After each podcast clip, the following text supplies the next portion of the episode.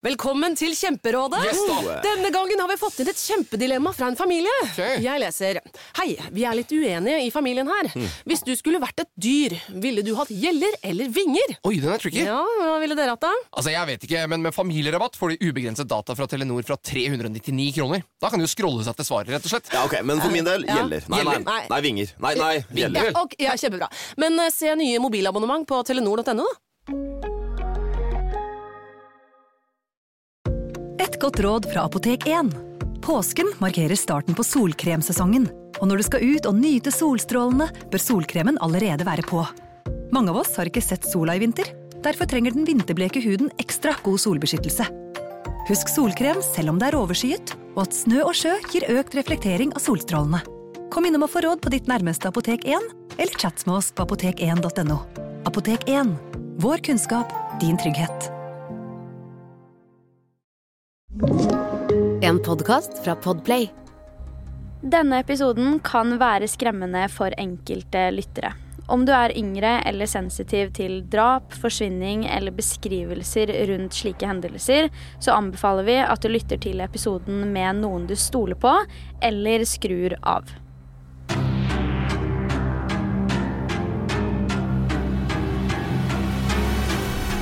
Hei og velkommen til en helt ny episode av Forsvinningsfredag podcast, og velkommen til del to av historien om Bonnie og Clyde. I første del så snakka jeg om bakhistorien til begge to, hvem de var før de møtte hverandre og lignende, men i denne delen så skal jeg fortelle deg om selve historien, og egentlig hva vi faktisk kjenner Bonnie og Clyde fra. Dersom du ikke har hørt del én, så vil jeg definitivt anbefale deg å lytte til den episoden først for å få litt mer forståelse for situasjonen. Men la oss uansett gå rett inn i historien om Bonnie og Clyde. Vi avslutta del én med å snakke om at Clyde havna i fengsel for en innbruddssak, og at han i fengselet hevder å ha opplevd seksuelle overgrep som gjorde at han virkelig ikke var den samme da han kom ut av fengselet, og det er søsteren hans enig i. Vi snakka også om at dette på mange måter var starten på Bonnie and Clyde, og at Bonnie hjalp Clyde med å klare å rømme fra fengselet. Her begynner vi virkelig å se starten på de mørke sidene som skjulte seg i forholdet som da fra utsiden så ut til å være ufattelig harmonisk, fint og stabilt. Ifølge flere historikere skal det også ha vært sånn at Clyde fikk, eller kan ha fått, varige psykiske men etter overgrepene han opplevde i fengselet, og flere drar en direkte kobling mellom dette og hva Bonnie og Clyde senere skal bli kjent for. Clyde blir løslatt i 1932, og som vi snakka om i forrige episode, så hadde han også valgt å ta livet av overgriperen sin i da fengselet, som fra før av satt inne med en lang dom foran seg. På denne tiden ble faktisk drap som dette ofte oversett av de ansatte også, så Clyde fikk aldri verken tilsnakk eller noen konsekvens for dette drapet, som i seg selv er spesielt, da dette skjedde samme året som han skulle prøveløslates. Så fort løslatelsen skjer, flytter Clyde til Massachusetts, men venter raskt snuta tilbake til Texas for å hjelpe flere fanger i fengselet med å rømme. Her får han igjen god hjelp av Bonnie, og det er fra nå av mønsteret med disse to begynner, med at de er på reisefot og rømmer omtrent konstant. I april 1932 skjer det nemlig en ganske kjent hendelse. Clyde slår seg sammen med en mann ved navn Ralph Foltz, og sammen bryter de seg inn i en jernvarebutikk. I forkant av dette så hadde det skjedd en skuddveksling som ble oppdaget av politiet, så disse to var rett og slett på flukt etter denne, og møtte da Bonnie etter å ha brutt seg inn i jernvarebutikken.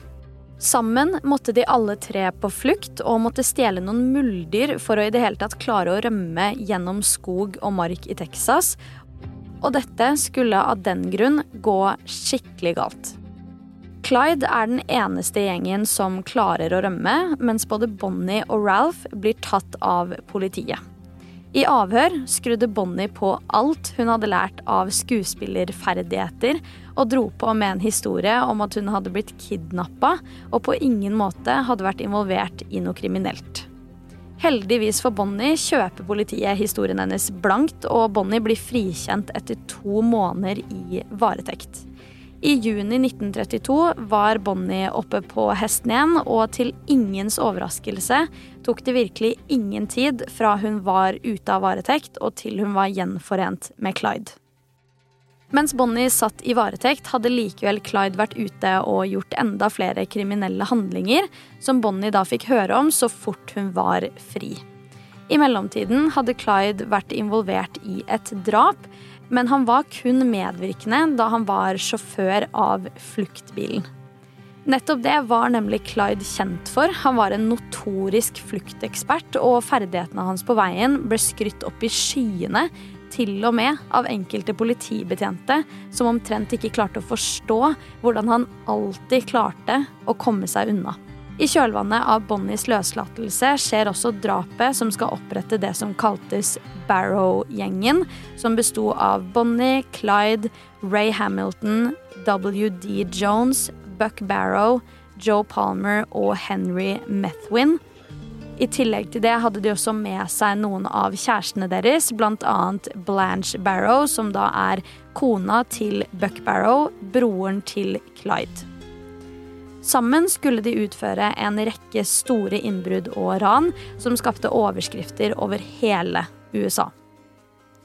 I august 1932 brukte Clyde og Ray Hamilton en relativt uskyldig kriminell handling nettopp for å lokke til seg politiet. De hadde nemlig drukket alkohol under et dansestevne, som på den tiden var veldig ulovlig. Og så fort en politibetjent dukka opp, fant Clyde og Ray frem pistolene sine og skjøt han. Denne gjengen var notorisk, men det er også vanskelig å si noe om akkurat hvem som sto bak de aller fleste handlingene her, hvem som kun ble med på ting, og hvem som var mesterhjernen. Fra 1932 til 1934 drev Barrow-gjengen mye med kidnapping, og de holdt flere personer som gisler, sånn at det skulle merkes at de var savnet, før de så slapp dem fri igjen lang tid senere, for at det ikke skulle virke mistenksomt. Flere av disse uskyldige ofrene ble gjerne utpresset, og noen fikk også med seg kontanter for å komme seg hjem, men dermed tvunget til å ikke fortelle noen om hvem de hadde blitt tatt av, eller lignende. Det er også verdt å nevne her at de fleste historikerne forklarer hendelsene med at Clyde oftere enn ikke var initiativtakeren, og rett og slett mannen som fyrte av flest skudd. Det antas at det er han som åpnet ild i ti ulike drap, mens det ikke finnes noen bevis for at Bonnie gjorde noe annet enn å bare være med på rømmen sammen med mannen hun var så forelsket i. Skal man tro historikerne, virker det jo som at hun rett og slett bare var blind på kjærlighet. At hun alltid var med, men at hun aldri sto bak noen ting. Og dermed hadde et mye renere rulleblad enn resten av gjengen. Var dette i så fall en bevisst handling fra gjengen sin side? I tillegg til dette er det også sånn, i forhold til ansvarsspørsmålet jeg nevnte tidligere her, at denne gjengen var også eksperter på å gjøre ting i det skjulte. Ikke bare var de mystiske og gjorde svært lite ut av seg i det daglige, men når de valgte å kidnappe og drepe folk, så ble det alltid gjort på et avsidesliggende område de kunne rømme fra uten mistanke, og disse stedene var ofte i områder der det var svært utfordrende å skulle gjøre åstedsundersøkelser. Når det kommer til Bonnie og Clyde isolert sett, så var disse på ingen måte så mystiske at politiet ikke visste om dem. De var jo kjenninger av politiet da de begge hadde utført kriminelle handlinger og eller vært involvert i dem tidligere på en eller annen måte. Og det gjorde også at politiet hele tiden fulgte med på hva disse to drev med, spesielt når det kom til stjeling av biler og lignende. For det måtte de jo gjøre for å kunne rømme fra de andre kriminelle handlingene som de begikk. Jeg syns jo også det er interessant hvordan det endte opp med at Bonnie og Clyde på en eller annen måte ble separert fra de andre gjengen, og hvordan det ble sånn at vi kjenner de to best, og ikke Barrow-gjengen nødvendigvis. Under en skuddveksling i Iowa i 1933 ble nemlig Buck Barrow, altså broren til Clyde, og medlem av gjengen, alvorlig skadd, og kona hans, Blanche, ble tatt av politiet. I november 1933 ble også Jones, som jeg nevnte tidligere, tatt av politiet i Texas. Og det gjorde at Bonnie og Clyde valgte å gjøre ting på egen hånd i stedet, i tillegg til at flere av de andre medlemmene allerede satt inne for diverse drap og lignende. Den 22. november 1933 forsøkte også politiet, etter flere år med innbrudd, ran og drap, og også at Barrow-gjengen hadde klart å rømme hver gang, eller i hvert fall Bonnie og Clyde, Planen var at politiet skulle ta dem i akten, men som alltid klarte radarparet å rømme igjen og valgte å begå nok et drap som resultat av hendelsen. I januar 1934 virker det som at Bonnie og Clyde har forstått at de trenger Barrow-gjengen for å ikke bli tatt, men løsningen de har på det problemet, er at de den 16. januar heller skal hjelpe dem med å komme seg ut av fengselet. I forkant så hadde Clyde gjemt noen pistoler i grøfta rett ved fengselet, og på selve dagen skulle de innsatte bruke dem til å åpne ild mot de ansatte i fengselet, slik at de kunne komme seg ut uten å bli tatt. På utsida venta Bonnie og Clyde, som også hadde våpen de brukte til å forsikre seg om at ingen fulgte etter dem. Rømningen ble vellykket for gjengens del, men en ansatt i fengselet ble faktisk drept, og en annen hardt skadd. Den 1. april 1934 skjer to nye drap. Bonnie møtte visstnok tilfeldigvis to politibetjente i Grapewine i Texas. Disse to kjente igjen Bonnie og visste nok godt hvem hun var, men før de rakk å gjøre noe som helst, ble de begge to skutt og drept. Clyde Barrow og Henry Medwin antas å være gjerningsmennene bak disse to drapene. Når man hører disse historiene, så kan det jo virke som at Bonnie og Clyde bare fikk herje i vei, både alene og med gjengen sin. Og selv om det på mange måter stemmer lite grann, i hvert fall, så er det også sånn at politiet og FBI jobba hardt i kulissene og fikk til slutt resultater for arbeidet. Det er jo viktig å merke seg at Henry, som nevnt ved flere anledninger, definitivt var en kjenning av politiet, og en mann de egentlig hadde god greie på når det kom til hvor i verden han befant seg, hvilke mennesker han var med og lignende, og de hadde også adressen hans samt fingeravtrykk. I midten av april 1934 kom det derfor et gjennombrudd i saken som hadde rystet en hel nasjon en FBI-agent er endelig skikkelig på sporet av Bonnie og Clyde. Det viser seg nemlig at koblingen mellom Henry og Clyde blir tydeligere for politiet, da flere kilder kan bekrefte at han og Bonnie har vært på besøk hos Henry på adressen hans, i tillegg til at de fikk informasjon i forbindelse med en annen sak som plasserte Bonnie og Clyde på et svært avsidesliggende område rett i nærheten av huset til Henry. Her er det ingenting som virker tilfeldig, og FBI tar nå etterforskningen enda et hakk opp. Nå var planen at Bonnie og Clyde skulle pågripes, og det fort som fy. Etter hvert får en spesialagent i FBI informasjon om at Bonnie og Clyde sammen med Henry og hans familie skal arrangere en fest ved Black Lake i Louisiana, og at de skulle komme tilbake til området som FBI hadde klart å spore dem til, to dager senere.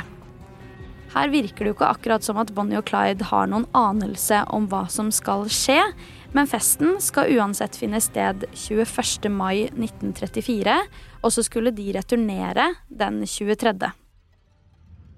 I forrige episode nevnte jeg at denne saken er mye preget av svik, tvister og vendinger, men den største tvisten og sviket av dem alle må nok ha vært Henry Medwin selv.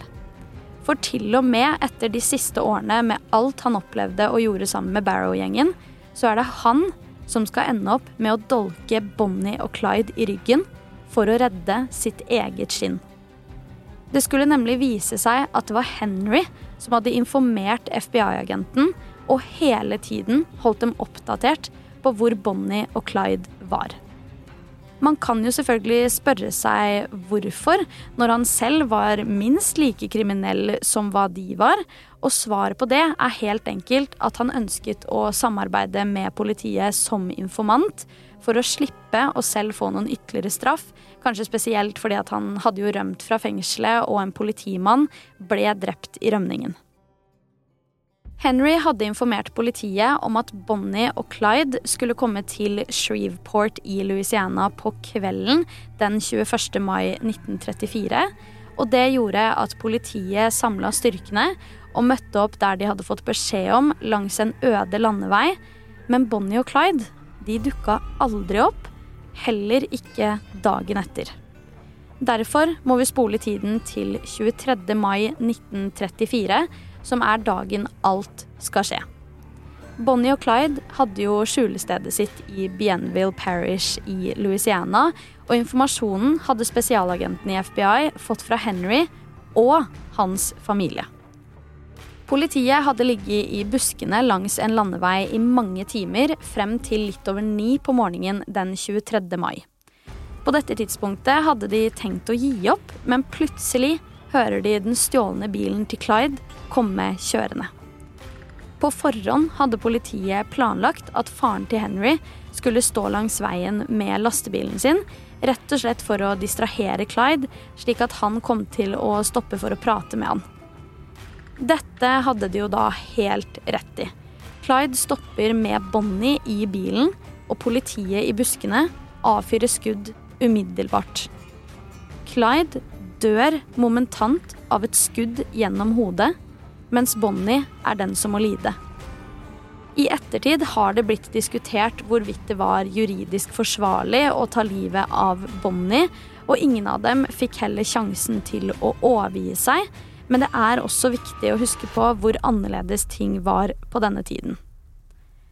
Etter så mange mislykkede forsøk på å pågripe radarparet, og etter at flere politimenn hadde blitt drept i disse forsøkene, så fikk jo politiet til slutt frie tøyler til å gjøre hva enn de måtte for å stanse Bonnie og Clyde. Det sies jo at Bonnie kun var en pluss én når det kommer til alt som skjedde i forbindelse med denne kjente saken, og man kan jo bare tenke seg selv hvor ufattelig trist det må være for de pårørende at datteren har blitt drept uten at hun egentlig har gjort seg fortjent til akkurat det. Det er ingen tvil om at hun fortjente en straff for å være medvirkende i diverse saker, men at hun ble drept, er det uansett mange som har reagert på. Det er jo også fascinerende hvordan tidligere medlemmer av denne Barrow-gjengen har snakket om det hele i etterkant av drapene på Bonnie og Clyde. Blanche, altså kona til broren til Clyde, har blant annet sagt at hun hata å være en del av det, fordi de konstant var på flyttefot og på flukt. Og selv om de kanskje hadde klart å rane til seg store summer fra banker og lignende, så tilhørte det sjeldenheten at de i det hele tatt fikk sove i en seng eller få i seg rikelig med mat. Hun forklarte at det var et konstant jag, og på ingen måte det livet hun hadde sett for seg, som jo ikke er så vanskelig å forstå for noen, tenker jeg. Når det kommer til gravlegging og lignende, så ønska jo egentlig Bonnie og Clyde å gravlegges sammen side ved side, men familien til Bonnie nekta. Det kan nesten virke som at de hadde en slags avsky mot Clyde, som på flere måter hadde dratt Bonnie inn i dette og gjort henne blind på kjærlighet. Men det ender uansett med at familiens ønske blir hørt, og de blir gravlagt hver for seg. Familien ble faktisk også nekta å ta vare på noen av Bonnies verdisaker og gjenstander, da dette heller skulle være suvenirer, ettersom at dette ble en såpass stor og omtalt sak. Altså, Hva tenker du om akkurat det? Send det gjerne inn til meg på Instagram, der jeg heter Forsvinningsfredag. Så dette var saken om Bonnie og Clyde, radarparet som ble romantisert til de grader av mange, og som har fått en haug av filmer etter seg opp igjennom. Jeg er som alltid veldig interessert i å høre dine tanker og meninger om denne saken. Og husk også å følge oss på Instagram og TikTok, hvor vi heter Forsyningsfredag på begge plattformer. Der kommer det masse nytt ekstramateriale i tiden som kommer. Du har hørt Forsvinningsfredag podkast med meg, Sara Høydahl. Tusen takk for at du har lytta til episoden. Vi er tilbake med en helt ny en allerede nå på fredag. Og i mellomtiden, ta vare på deg selv.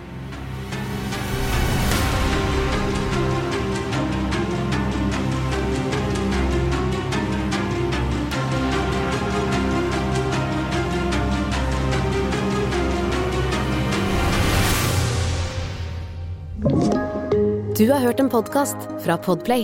En enklere måte å høre podkast på. Last ned appen Podplay eller se podplay.no. 20 nye sparetips hos Kiwi. Mitt aller beste sparetips er First Price familiepizza. Garantert billigst i Kiwi. Nå får du 1 kilo First Price familiepizza til 59,90, 900 gram First Price stekte kjøttboller til 59,90 og mange andre First Price-nyheter hos Kiwi.